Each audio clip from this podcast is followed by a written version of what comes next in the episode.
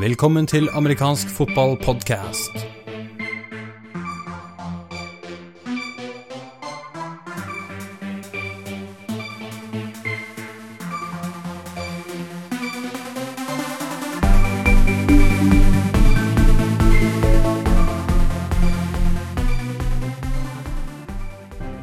Velkommen til episode seks av amerikansk fotballpodkast. Mitt navn er Jarl Magnus Henriksen, og sammen med Patrick Hamnøy er jeg programleder for dagens sending. I dagens sending så har vi delt opp i fire perioder som vanlig. I første periode så er det Truls Bråten som er på besøk fra Vålerenga Trolls. Han skal snakke om det å bygge klubb. I andre periode så snakker vi med Edvin Jensen og Jesper Hagen om NFL, free agency og draften, alt som foregår der. I tredje periode så snakker vi igjen med Edvin Jensen, men også med Morten Midtsund, og går gjennom en del rundt at Bergensstorm har trukket seg, og dette med å trekke lag i det hele tatt. I fjerde og siste periode så tar vi for oss andredivisjon 2016 og ser nærmere på lagene som er med der. Vi håper du liker dagens sending, og at du følger med på hele sendingen. Da er vi klare for første periode av dagens sending.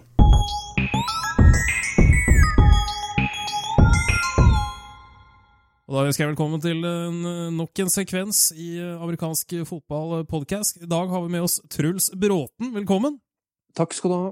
Forrige podkast hadde vi jo et, et, innslag om dette her med, med vinnerkultur, eller kultur i klubben. Hvorfor noen klubber til stadighet er med å konkurrere i toppen, mens andre klubber tilsynelatende aldri kommer seg videre. Og begge de gjestene vi hadde med oss da, de var enige om at én ting var veldig viktig, og dette her var kontinuitet på trenersiden. Og, og, og i den forbindelse så poppa det et navn i hodet mitt, og det var deg, Truls. Rett og slett fordi du er jo et kroneksempel på en person som har vært i samme posisjon over tid, og det er som ansvarlig for Eller ansvarlig blir det jo ikke da, men den som på en måte har vært i juniorprogrammet til, til Vålerenga Trolls over mange mange år. Men uh, det kommer vi tilbake til. Vi kan ta litt om mm. historikken din først. Når begynte du med fotball, Truls? Uh, jeg begynte faktisk i 1982. Da starta var jeg med å starte Trolls. Eller som det het den gangen, så var det litt navn som, som svira rundt. Det var faktisk eh, noe, eller noe, ikke så Oslo eller Norge som Killer Bees var, inne, var vi innom lite grann, men vi, det blei Trolls til slutt, etter noen diskusjoner. Ok, For det er ikke bare et rykte det at dere het Oslo Killer Bees et kort stund, altså? Nei, det, det stemmer faktisk. Det, det var oppe på bordet. Men, men så, så, fant det var en lur person som tenkte kanskje det mest typiske norske. Det er jo troll, og derav Trolls. Ja. Dette var du med å starte da, og da snakker vi 1982-83-ish. Mm. Og så var du da med i, i en del år, fram til, til 1990. Og så, ja. som så mange andre, så begynte det da med familieforøkelser, også det ene med det andre. Men du kom jo tilbake igjen. Når gjorde du det, og hvorfor gjorde du det? Nei, så Det har jo med at jeg fikk jo da en, en sønn som uh, syns, eller, syns dette her var ålreit, eller var spennende med amerikansk fotball. Jeg hadde jo lyst til at han skulle begynne òg, men man, man, kan ikke bare presse på. Men jo da. Det, det, vi, vi, håper jo det, alle vi fedrene, at de ja, skal fortsette litt. Grann, og han uh, hadde lyst, og jeg hadde ikke noe å gjøre, og vi måtte finne på noe sammen. Så da ble det jo på en måte at vi uh, prøvde å starte opp litt grann, nede på Jordal, siden jeg hadde vært der i mange år før. Det, det blei jo en del av livet mitt når jeg spilte, og jeg har vel syntes det at jeg lyst gi, hadde lyst, lyst, til å gi noe tilbake. Altså, jeg har jo fått kompiser gjennom fotballen som jeg har ennå. Altså, det er jo lifetime, på en måte. Så det var det å gi noe tilbake, rett og slett. Ja, for sønnen din er jo blitt uh, veldig, veldig for mye for gammel for uh, U17 nå? Ja, han, uh, han, er 24 og um, har lyst å komme tilbake. Akkurat nå er han oppe i, oppe i nord i militæret, så det er andre ting som, som det er nå. Det vokser jo opp, de også. Ja. Men da var du tilbake sånn rundt 2004. Vi snakker nå sesongen 2016, så det er 12-13 eh, år som eh, hovedtrener for eh, ja, både U16 og det som ble videre til U15 og U17. Hva er det som, mm. hva er det som driver det, egentlig? Nei, altså Det er jo sporten jeg elsker, da, sånn sett. Og det er ingen annen idrett som fascinerer meg så mye som fotball. Og man lærer stadig nytt. Det er nye ting der. Og, og det hele tatt det å jobbe med, med unger, eller ikke unge, men, men, yngre personer, og forme dem og få dem til å finne ut hvor, hvor kult det er med fotball, liksom. En av de, um, hva skal jeg si, momentene som uh, Eller en av mytene som er da, uh, i forhold til dette med, med å drive klubb Det er jo ikke lett å finne spillere. Nei. Uh, og, jeg tror nok mange har et inntrykk av at uh, ja, men uh, Oslo-lag er jo ikke det noe problem. Det bor jo ganske mye mennesker der. Det er jo ikke noe stress å, å få inn spillere. Du som har holdt på med dette her i en 12-13 år, vil du si at det stemmer? Nei, altså egentlig ikke. For, for det er Jeg tror at man må bygge, bygge et, en kultur innad i klubben. Altså er, noen start, start, mange klubber starter på toppen med et seniorlag og kanskje ikke tenker nok i bånn. Det å få tak i spillere hele veien er jo vanskelig. Altså, unga er Den driver med alt mulig. De binder seg ikke til én idrett. Og det jeg har funnet ut, som jeg tror det er det viktigste, som jeg også har fått med meg klubben på, det er at eh, vi må få fotball til å bli en helårsidrett. Vi kan ikke legge ned den i løpet av vinteren, for da forsvinner kidsa. Da blir de borte. Må, vi må ha noe der. Og, så vi kjører treningene gjennom hele året for å ikke miste dem. De, vi mister nok spillere pga. andre ting, så det er iallfall det jeg mener som er det viktigste å, å kjøre hele året da er ikke det noe dere har gjort hele tida, det å drive helårs? Det er noe som har kommet nå i senere tid, eller? Eh, ja, etter hvert. Altså, vi, vi, har nok holdt på en, en eh, fire-fem år med det. Men, men, det er veldig stor gjennomstrømning, og det tror jeg det er ute i provinsen nå, liksom. At det er alltid nye spillere innom. provinsen, det der kommer du til å få høre. Som, som, som, ja, som, blir borte. Men det tror jeg også alle sliter med. At det er mange som vil prøve å finne ut at det er noe helt annet enn det de har trodd. Og jeg tror også et lite problem at vi gjør det for innvikla for nye spillere. At vi har kjempespillebøker som vi får i hendene med en gang jeg er sånn veldig At det er veldig viktig å lære dem det grunnleggende. Jeg kunne brukt flere timer på hver spiller, men det viktigste er at de på en måte skjønner sin del av spillet, og at de kan komme i gang og kjøre litt treninger hvor de får takla litt, kasta ball, altså satt i system så fort som mulig. Ja, for det, det overrasker meg litt. Jeg var jo besøkte deg på trening uh, i fjor høst. Mm. Uh, akkurat den dagen så var jeg der aleine fordi Tore assistenttrener hadde noe jobbgreier. Mm. Uh, men likevel, det, det som jeg syns var så annerledes fra, si fra mitt ståsted, da, som har drevet med fotball i en årsrekke, men ikke begynt på trenergjerningen før nå i ganske nyere tid, mm. uh, det var veldig lite detaljfokus, som jeg tror kanskje nye trenere har, har, en tendens å være. Er det noe som har kommet over tid, det som du sier nå, ikke gjøre det for innvikla? Nei, altså det er igjen den måten jeg mener eh, For å komme i gang på, når man eh, kommer opp i, i aldersbestemte, så, så, kan vi heller legge til det da. Sånn som eh, jeg har heldigvis, eller Vi er så heldige som har Scott i, i, i Trolls, og han jo, kommer inn og hjelper til på U19. Han er jo med hvis jeg har lyst til å ha han med, så er ikke det aldri noe nei i hans munn, liksom, sånn å hjelpe til. Men Sånn til å begynne med, ja, kjøre lett.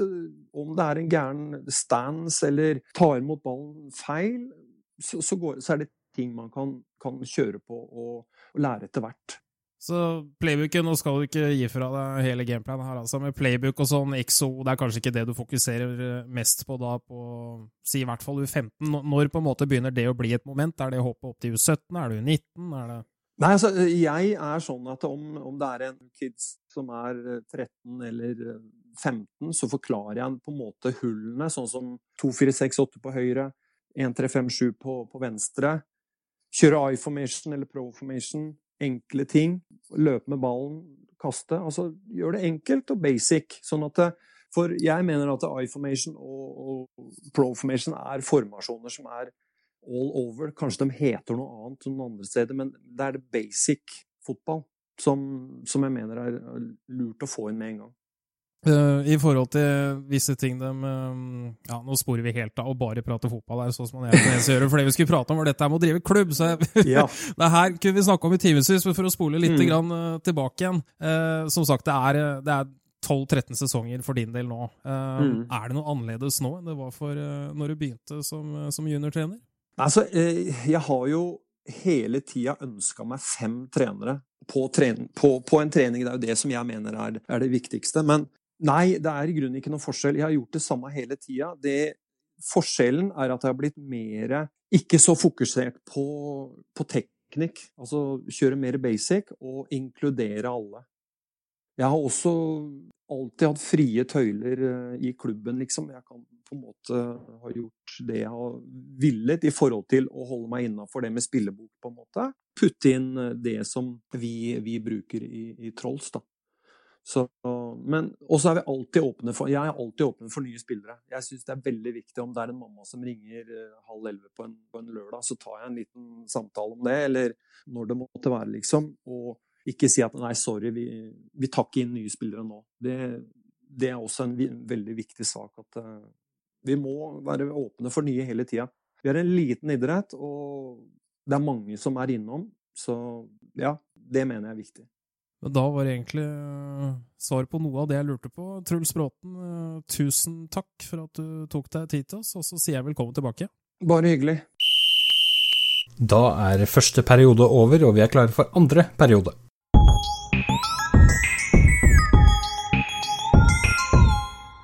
Jeg sitter her med Edvin Jensen og eh, Jesper Hagen, som begge er eh, lidenskapelig opptatt av NFL, og begge også har skrevet eh, saker angående mye av det som foregår i NFL for tiden. Der er det sånn at Edvin har skrevet en sak om Free Agency, hva som foregår der, mens Jesper har laget en mock draft, for draften er jo også ikke så langt unna. Den nærmer seg med stormskritt, og det er klart at de to tingene påvirker hverandre. Hvis vi begynner med deg, Edvin, og det som har skjedd i free agency så langt. Hva vil du eh, trekke fram? Kan jo begynne med å trekke fram det som jeg åpna den artikkelen min med, at eh, New York Giants har kasta veldig mye penger etter eh, forsvarsspillere for å oppgradere forsvaret sitt. Og for de av oss som har fulgt med lenge, så husker vi jo at de vant jo to Superbowls på fire år med et veldig bra forsvar, spesielt defensiv linje. Og nå har de da de har uh, resigna Jason Pierre-Paul for litt over 10 millioner for ett år. Og så har de jo kasta ufattelige 85 millioner dollar etter uh, Olivier Vernon, hvorav over 50 millioner av de pengene er garantert uh, lønn til han. Og det er jo mye for en defensiv end som ja, ikke Han regnes jo ikke som en av de beste i ligaen. Så da må New York ha sett et eller annet der som vi andre ikke har fått med oss. Så det var jo hva skal jeg si, en, av de største, av de største signeringene, og en liten overraskelse tidlig. Så kan man jo også nevne at Malik Jackson gikk fra Denver til Jacksonville, og han fikk jo betalt eh, ganske mange titalls millioner for å bytte klubb. Så det, det er noen som har blitt veldig rik, og så gjenstår det å se om det er gode signeringer for klubbene sine. Jesper, har du noe å tilføye? Hva, hva, tenker du hva er det som har skjedd i Free Agency som du har lagt mest merke til? Uh, ja, litt tilbake til uh, det Edvin sa om uh, Giants. De har jo i tillegg til Vernon, som nå får mer betalt enn JJ Watt, som er ganske absurd i seg selv. så har de gjort Janoris Jenkins, som kom fra Rams, til ligaens nest best betalte cornerback. det i seg selv er også ganske spesielt. Ellers var det vel litt som forventet, egentlig. Um, veldig dårlig år eh, for um, Altså ikke for å være receiver og være på markedet, for de har fått veldig mye penger. Men uh, ikke så mye for lagene, sånn som uh, Falcons har gitt ganske så mye penger til uh, Mohammed Sanu. Nå husker jeg ikke tallet i, i, hodet, men det var veldig mye for han som var da tredje receiver i Bengals, og egentlig kanskje ikke ifølge mange bør være noe mer enn det i eh, Atlanta heller. Så litt sånn typisk eh, første runde av free agency, egentlig, hvor veldig mange spillere får veldig mye betalt. Og så er det Det gjenstår jo å se da, hvem av de som ikke gjør seg fortjent til lønnen, men det vil alltid være noe. Betyr det at eh, de store kanonene er signert allerede, eller er det noe gull igjen? Eh, jeg vil si det absolutt er gull igjen, men de store navnene er i hovedsak eh, signert eh, nå, ja. Vet ikke hva de syns? Det er jo, Hvis man ser på lista over de som, de som fortsatt er ledige, så er det jo enkelte navn som, som skiller seg ut. Og med tanke på hvor mye snakk og action det har vært rundt quarterbackene siden free agency starta, så er det jo litt overraskende å se at både Ryan Fitzpatrick og Robert Griffin fortsatt uh, sitter uten kontrakt. for å gå tilbake til Mohammed Sanu, han fikk 14 millioner dollar i garantier. Total verdi på kontrakten var 32 millioner over fem år. Ja. Og da er jo, som Jesper sier her, er det, er det penger som kanskje burde ha vært brukt på en annen måte for Atlanta. Jeg vet ikke om jeg ville ha benka på Sanu som en nummer to-receiver, jeg heller, for å være helt ærlig. Eh, hva, hva tenker du er, er, det da markedet rundt receivere som er, er tynt? Eh, hva, hva, hvordan spiller draften inn her? Betyr det at de ikke har tillit til at det er eh, dypt i draften, sånn at de kan finne en receiver eh, eller flere receivere der? Nå har jo de siste to årene vært ganske solide på uh, receivere i draften. 2014 spesielt. Da fikk vi jo Sammy Watkins, Odal Odell Beckham jr., for å nevne to av de mest profilerte stjernene. Men det er jo mange, mange talentfulle og gode receivere som har kommet inn i NFL de siste to årene. Og jeg tror ikke det er like dypt på den posisjonen i draften i, uh, i år, og det kan jo være noe av grunnen til at både Sanu og Marvin Jones fikk um, relativt, relativt, store kontrakter for receivere som har vært uh, ja, bitplayere på, på et Cincinnati Bengals, som ja, ikke nødvendigvis handler om de to. Draft, draft stiller nok inn og nå var, vi, nå var vi, jo innom eh, draften. Eh, hva, hva, tenker du der, Jesper? For du har jo skrevet en sak, du, eller sak, du har laget en mockdraft, eh, hvor du altså går gjennom første runde, som er veldig vanlig mockdraft. Det er sjelden man ser mockdrafts som går ned i syvende. Og der har du liksom sett for deg hvem er det som henter inn hvem. Hva er bakgrunnen din for å lage en sånn sak? Hva har du sett på da? Jeg har sett litt på hva som har blitt gjort hittil i Free Agency, selvfølgelig. Og selvfølgelig da på hva laget trenger fra før. Eh, litt på hva eh, lag generelt går for i første runde av draften. Det er jo noen eh, ting som går igjen hos enkelte lag. Og så er det jo klart at noen blir litt eh, preget av eh, posisjonen de har, sånn som f.eks. Eh, Dallas Cowboys er jo ikke veldig ofte at de velger innenfor topp fem, så da er det jo litt sånn tar de en quarterback, tar de ikke. ikke sant? Så det er en del forskjellige ting. Men ja, det er riktig som de sier at uh, wide receiver-klassen er ikke i nærheten av de to foregående årene, men den er like fullt respektabel. Uh, jeg har uh, er det tre receivers i første runde, hvis ikke tre, hvis jeg ikke tar helt feil, og én tight end. Det er vel Én tight end er vel i underkant av det som pleier å være. Pleier å være rundt der, kanskje to. Så um, ja. Det er uh, en salig blanding. Det blir helt sikkert endringer til den neste som kommer. Mm. Har du noen tanker om hvordan denne draften er på quarterback kontra de siste årene?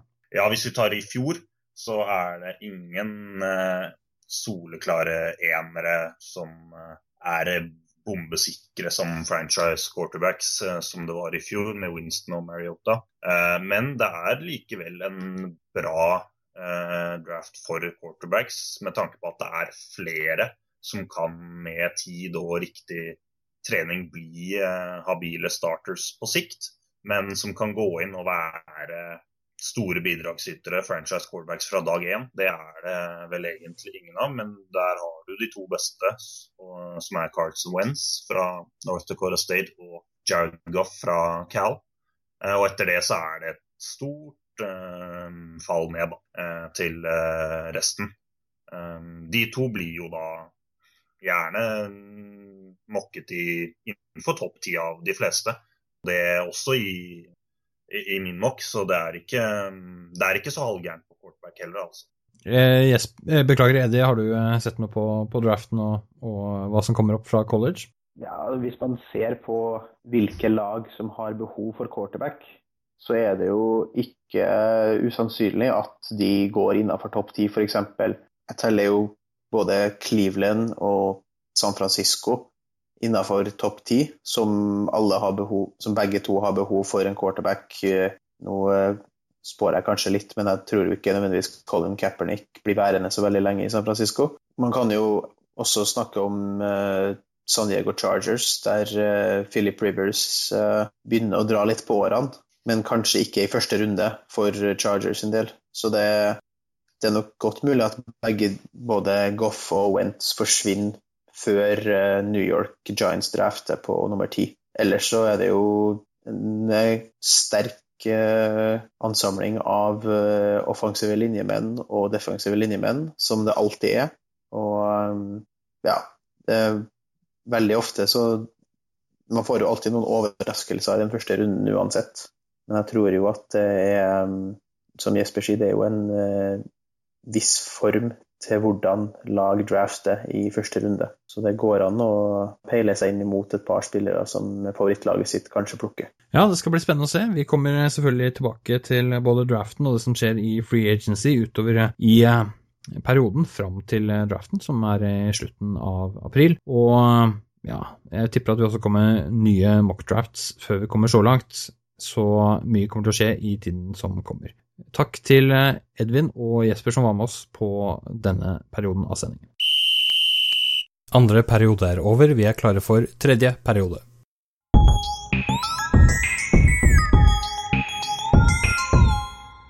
Ja, da er vi klare for et uh, nytt uh, segment, en ny periode av eh, podkasten. Og jeg har med Edvin Jensen. Hei.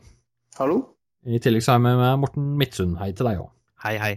Vi skal snakke om noe som ikke er så veldig kjekt å snakke om, men vi må ta det opp. Og det er at vi nok en gang, eh, for det er ikke første gang eh, og ikke første året, at et eh, lag trekker seg fra seriespillet. Og denne gangen var det Bergen Storm som hadde havnet i den situasjonen at de valgte å trekke laget nå for kun få dager siden i helgen som var. Det er kort tid til serien starter. Og ja, Edvin, hva tenker du? Hvordan påvirker dette de andre lagene, serieoppsettet osv.?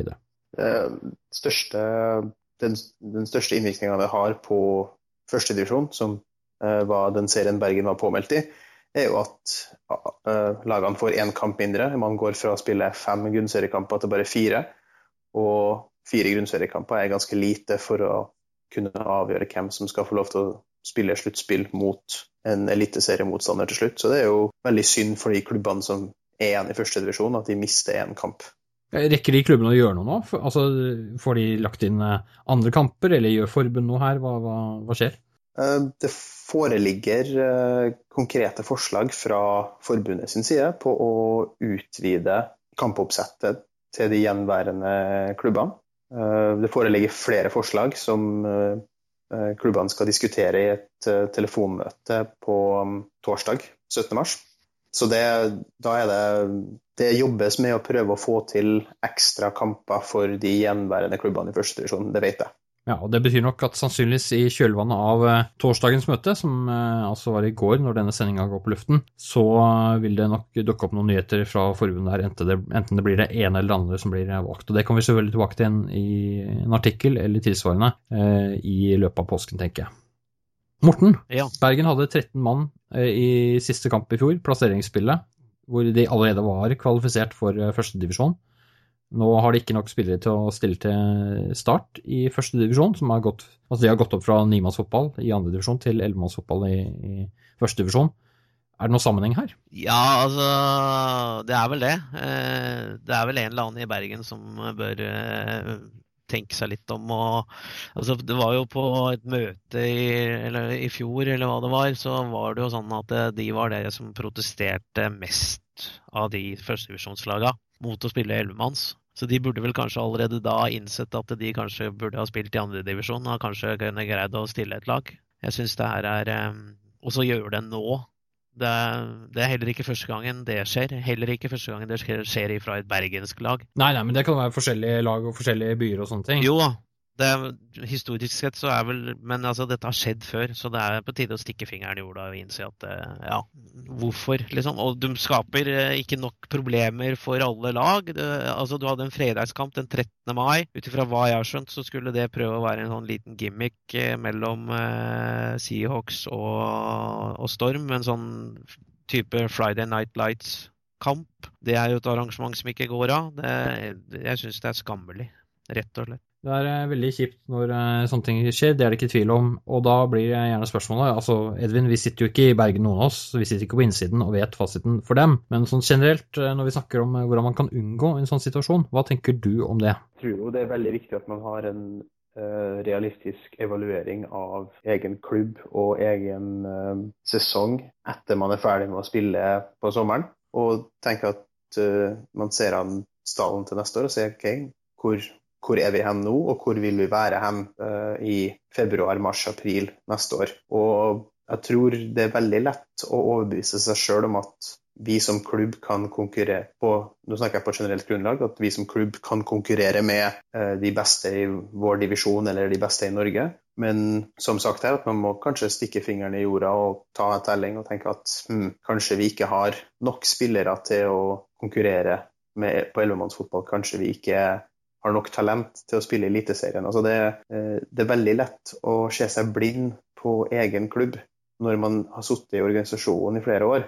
Og eh, jeg tror det er litt eh, det er litt vanskelig å være realistisk i en negativ retning når det kommer til egne spillere og nivået på, på klubben som helhet. Ja, og Du nevner jo å kikke på dette tidlig, dvs. Si etter sesongen. Nå er det gjerne sånn at sesongen slutter i slutten av juni, begynnelsen av juli. Så er det for mange eh, en ferieperiode, og før man er i gang igjen i august, september, oktober. Jeg tenker som så, min erfaring i hvert fall er at i september og oktober så er stallen større enn noensinne, for det er en papirstall. Eh, hvordan eh, evaluerer man realistisk på noe sånt? Hva, hva, er, hva er, ditt tips på det? Man må jo tenke at uh, man skal klare å holde på de spillerne fra august-september helt til neste juli. Altså, De skal jo i praksis være der i ti måneder. Og man må jo regne med litt frafall. og så kan man kanskje regne med at det kommer inn en eller to enkeltspillere. Så hvis man har, hvis man har 30 spillere på papiret i, i august-september, så betyr ikke det nødvendigvis at man kan stille med 30 mann i april. Men man må jo legge, legge opp et opplegg, et tilbud til folk om høsten også, sånn at de får lyst til å holde på med det her utover våren òg. Det, det, er ikke noe automatikk. Ja. Vil det si at, eh, at, da bør man legge opp et opplegg hvor man ser antallet som er på plass i den perioden, og så ta en vurdering ut fra det? Er det er det, det, du sier? Ja, altså jeg, jeg syns at det er vanskelig å, å, si at vi skal ha en stall på 40 mann vi har 40 mann i september. Men jeg vil jo påstå at man må kunne synsette og si at i hvert fall 20 av de blir værende. Da. Hvis man ikke klarer å beholde halvparten fra september til april, så gjør man jo noe galt i klubbledelse eller i trenerteam. 50 altså. Uh, Morten, hva er dine tanker rundt dette? Nei, Jeg er vel enig med, med Edvin her. Altså, du kan, jo se, altså, du kan jo også se på Bergen hva de har gjort sånn lokalt sett. Hvor mange, altså De har en åttemannsliga, og det har vel Trondheim også har begynt å gjøre og, og hvor mange lag er, eller fra Storm er med i den åttemannsligaen. Det burde være allerede en pekepinn på at hei, greier vi å stille med elleve mann? Så når åttemannsligaen eh, gikk ad undas i fjor fordi det ikke var eh, lag, så Ja, da burde det Fra, fra? Ja, da burde det vært en liten sånn der eh, wake-up call at hei, hallo, hva skjer? Men er, er forskjellen så stor, å gå fra nimannsfotball til ellevemannsfotball? Hva tenker du om det? Jo, den er, den er, egentlig ganske stor, den. Du skal stille med Du skal faktisk ha 22 mann hvis du skal ha 11 mann på hver side. Så går du, ned til, så går du ned til 18. Og da kan du i teorien stille lag med 15 mann. Hvis du har tre, og faktisk enda mindre, men altså Ikke sant? Men har du, 15, har du 15 mann eh, til å spille nimannsfotball, så har du faktisk en god stall. Edvin, hva var det du skulle inn på her? Jeg skulle si at Minimumskravet er jo 18 mann for å stille 11-mannslag. Uh, ja. Og så er, er, det 13 for å stille 9-mannslag. Ja. Så det er jo fem spillere i forskjell. Ja. Og det, sier, det, er jo, det er jo, Man tenker jo at det er ikke så veldig mange, men hvis man da har en kjerne på, på ti stykker, så er jo det vanskelig å få tak i de siste åtte, da, hvis man skal spille 11 mann. Ja, ja. Nei, det er, altså, det er, altså jeg, har jo, jeg har jo vært med på å starte seniorlaget til Hunters og få, det, og få det opp og gå. Og da spilte vi noen treningskamper, ikke sant. Og vi var 14-15 mann. Men dette har bygd seg opp, og nå er jo de De er mange, og de, og de fungerer. Og, men når vi begynte, så var vi 8, 9, 10, 11, og så blei vi plutselig flere. Den, den, første kampen som ble spilt der, var, tror jeg det var 14 spillere. Så, og, og, det er fullt mulig. For du, altså, linjegutta kan spille begge veier, og da har du plutselig tre mann. Og så har, ikke sant? Så det er, et, det er noen signaler som burde ha vært gitt i Bergen om at dette her funker ikke, dette greier vi ikke. Helt enig. Ja, og jeg syns det, det, er helt vilt. Og det er på tide, syns jeg, at det, det, skjer noe. At det er konsekvenser. At det, her, at det her kommer til å svi, det kommer til å koste. Jeg syns rett og slett at eh, Bergen burde nå få, eh, sånn fra mitt ståsted, påstå det, sånn at ingen tror at dette er amerikansk fotball sin mening. Eller, det er min personlige mening. De burde nå få en straff, en bot, eller rett og slett bli kasta ut og få en straff på ja, ett år, får ikke de lov til å spille fotball. Så de er ikke med igjen før i tidligst med i ja, 2018. Ja, da spørs om det er mye klubb igjen, men det, dette er vel den store debatten, og det som, eh, som, jeg tror at mange kan ha forskjellige synspunkter på. Eh, så hvis du har synspunkter, du som hører på dette her, så skriv gjerne inn eh, melding på, på Facebook-siden eller hvor det skulle være. Og ja, hva er ditt tips for å få dette til å fungere bedre? Og da snakker vi det generelle her, for det er det som er det aller mest interessante. Vi kommer sikkert tilbake til denne saken, og da er vi fremdeles på det generelle, for det er det vi må se på. Hvordan kan vi rekruttere mer stabile klubber, og ikke minst stabile lag. Edvin og Morten, tusen takk for at eh, dere var med. Ingen problem. Bare hyggelig. Tredje periode er over, vi er klare for fjerde og siste periode.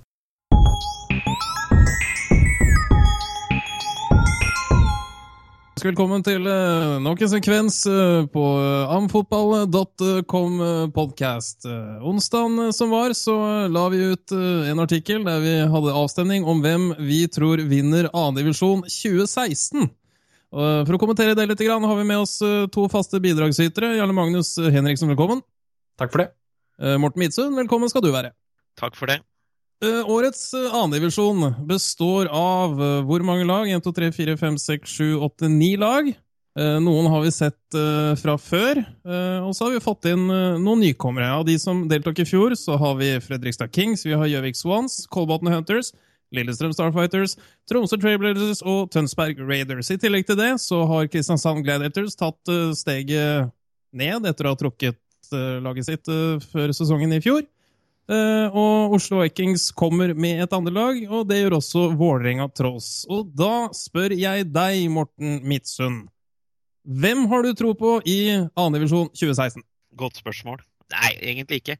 Jeg tror, eh, jeg tror det at eh, hvis Kristiansand Gladiators har med seg det mesteparten av de spillerne de hadde i første divisjon, eller eliteserie som det heter nå, så tror jeg de kommer til å kjøre over de fleste. Men det gjenstår jo å se. Under der igjen det er, Du har Vålerenga, så har du Vikings. Det kommer, det kommer helt an på hva de gjør. Om de er seriøse nok til å la de spillerne som ikke får spille på eliteserielaget, spille på annendivisjonslaget eller ikke. Ja, du har da først og fremst troa på eh, Kristiansand eh, Gladiators. Eh, vi kommer tilbake til akkurat den. Magnus, har du sett noe på dette? her? Hvem tror du på for 2016? Ja, så God kjennskap til Kristiansand fra før av. Og hvis de har med seg en liten skokk av de som var med å vinne NM-gull sist de var på banen, det var faktisk det de gjorde da, så bør jo det borge for kvalitet. Jeg tror de får brynt seg litt nå, fordi spesielt andrelaget til Trolls var jo habile i fjor. Så ikke helt håpløst ut Eh, det. Og så blir det litt som Morten sier, at det blir et spørsmål om eh, hvor han prioriterer spillere. Første lag versus andre lag, og det er sikkert noe som de andre lagene i andredivisjon tenker en del på. Eh, men det viktigste er hva du kan gjøre med deg selv. Jeg, og der er jeg litt spent på Kolbotn og Tønsberg. De eh, røyk jo i forhold til førstedivisjon så vidt det var. Eh, ja. Tønsberg røyk skikkelig i e, en halvdel av en kamp i, i plasseringsspillet i fjor. Men begge de to lagene så ut som lag som kunne spilt i det som nå er førstedivisjon. Så jeg tror nok begge de to lagene der skal bli spennende å se. Tønsberg har også hatt et trenerskifte. Uh, Skifta QB og en del sånne ting, så de blir nok et litt annet lag. Kolbotn, jeg vet ikke helt hva de har gjort i offseason ennå, det, det, får vi se nå utover i uh, ukene som kommer. Blir vi mer kjent med det, tenker jeg. Men uh, om de har med en del av den samme kjernen, så bør jo de kunne hevde seg også i dette selskapet. Eh, det henvises dette her med mm, prioriteringene som, eh, som de respektive Oslo-lagene må, må, må, gjøre i forhold til uh, førstelag og andrelag. Og da kan det være verdt å nevne at det er jo en regel på dette her om at 20 spillere uh, låses til topplaget, og så får resten flyte mer eller mindre fritt mellom lagene. Samtidig så ligger det en begrensning på hvor mange kamper eh, man kan delta. Altså Har man først spilt en kamp, så må det gå et minimum av eh, fem dager før du kan delta i kamp på nytt igjen. Så, så helt fri flyt så vil det ikke være. Eh, men likevel, på tross av dette, så, så har dere veldig tro på, på Kristiansand. Vi, vi, vet jo egentlig ikke hva vi får derfra. Hvordan kan, kan du ha så klokketro på de, Morten? Ja, men altså Hvor dårlig kan du bli, da? Ja? altså, de har spilt Altså, de, de var norgesmestere. Greit nok, de mista en del spillere. Men så dårlig kan de ikke bli. Så jeg, jeg tror det at de kommer til å vinne annen divisjon. Det er ikke noe... kan godt si at man, man rekker, rekker, å bli dårlig. På den annen side så tror jeg ikke det har skjedd at en regjerende norgesmester trekker laget sitt året etter.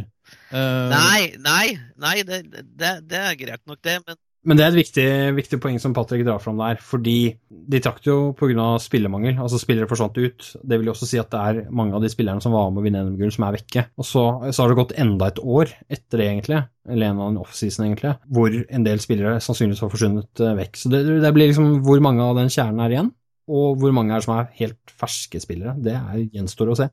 Nei, men altså, øh, hvis jeg skal jeg veit ikke. Altså, eh, ta vekk altså, Uinteressant her er egentlig Oslo Vikings 2 og Vålerenga Trolls 2. Det er egentlig uinteressant. For at det, de er, det er et ja, annet lag, liksom, og de skal ikke opp i førstedivisjon eller noen ting. Eller, så eh, jeg tror eh, jeg har, tru, jeg har litt tru på Gladiator, samtidig som jeg har litt trua på Olavs menn. De er i førstedivisjon. Ja, de, sorry, de er i første divisjon. Eh, Men jeg har tro på dem òg, altså bare ikke den ja, divisjonen. Nei, sorry. Men Gjøvik eh, Swans har jeg litt trua på. Nettopp fordi at de har et samarbeid med Eidsvoll. Det er veldig mye eh, samarbeid i denne, denne, her nå også. Fredrikstad Kings, eh, meg bekjent, har en formelavtale med Olavs menn. Gjøvik ja. Swans har en formelavtale med Eidsvoll 1814s. Eh, Vikings og Trolls, naturlig nok, samme klubb som førstelaget. Ja. Eh, er, er, det noe mer da? Kolbotn, Tønsberg, har de noe? Nei, ikke i år. Nei, nei, ikke i år. Ikke som vi kjenner til, er vel riktig å si. Er det positivt eller negativt? Ja, hvorfor skulle det være negativt? Nei, det kan være negativt i den forstand at uh, en, en, sånn avtale kan bli veldig ensidig. Uh, det vil si at den, den større klubben uh, kan se på det som en mulighet til at oi, det var en god spiller. Han kunne kanskje vi brukt i, i seriespillet vårt, og så blir han da benyttet der istedenfor å kanskje bidra til den klubben han er opprinnelig fra. Sånn sett kan det være negativt for den mindre klubben. Min, min, erfaring er at det ikke skjer den sesongen. Vi snakker om to ting her, tenker jeg, Patrick. Det ene er liksom hva som skjer i den sesongen. Eh, og Der er min erfaring at de lagene er ganske flinke til å eh, tenke begge veier. Eh, sånn at det blir en fordel. De som gjerne ser det som negativt, er de lagene som ikke har en sånn avtale, men som er i den lavere divisjonen. For de føler liksom at ja, de andre får litt Det er ikke de som egentlig vinner, det er liksom de pluss et eliteserielag som vinner. Eh, så er det en liten, liten sannhet til det, og stort sett ikke. Det andre er selvfølgelig at eh, det ligger en risiko her i at eh, den spilleren som er god, som du nå nettopp snakket om, ser at han utvikler seg mer i miljøet til den bedre klubben, og så neste år så forsvinner han dit. Da, da har du tapt noe, ikke sant. Sånn at det er viktig å ha de tunga rett i munnen og ha avtaler som sikrer begge lag, og at det er god etikk, spesielt hos topplaget, i forhold til akkurat den biten her. Ja, Vi kan jo bygge litt videre på den. Altså Har vi eh, eksempler, og jeg, jeg må inn i det um, halve Rainman-hodet ditt når det kommer til fotballhukommelse i Norge, Jarle Magnus. Uh, har vi eksempler på at, det, på at, det, har fungert etter hensikt? At man utvikler, uh, utvikler begge klubber? Um, ja, det har vel Men, men ja, ja, nei. Har vi det? Ja, jo, jeg vil jo si det, i forhold til Drammen og Trolls tilbake på 90-tallet. Men, men, på den annen side, Drammen Scorpions eksisterer jo ikke lenger, så det blir litt sånn ja, det fungerte jo da, men de, hva er de blitt i år, eller blitt nå? De fins ikke lenger. Så um, tja Det det ofte blir, er en, en usikkerhet på liksom, hvordan gjør vi ting sammen, og, og, man har ikke definert ting godt nok, da. Jeg, jeg, tror, jeg tror, nok at uh, den avtalen som Trolls og Tønsberg hadde, den tror jeg fungerte bra for noen år siden, uh, før Trolls hadde andre lag det tror jeg fikk godt utbytte av begge lagene, og spesielt det med å trene sammen. Det er der mye av verdien ligger, tenker jeg. At man får trent sammen og, lært av de, de, trenerne, og man får gjerne kombinert på treningsleir, kanskje noen treningsstaber og sånne ting. Der ligger den store verdi. Ja. Så jevnt over så kan det bli til, til, det positive, forutsatt at man da jobber aktivt for å få det til. Ja, Det er helt klart avhengig av to trenerstaber som samarbeider, og at man definerer opp tydelig hva man skal gjøre for noe. Er, og der, der gjøres det mye blemmer, altså.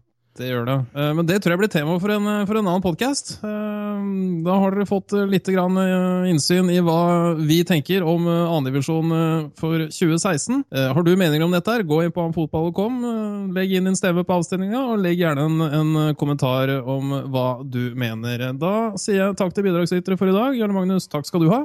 Takk for det. Morten, takk skal du ha. Takk skal du ha.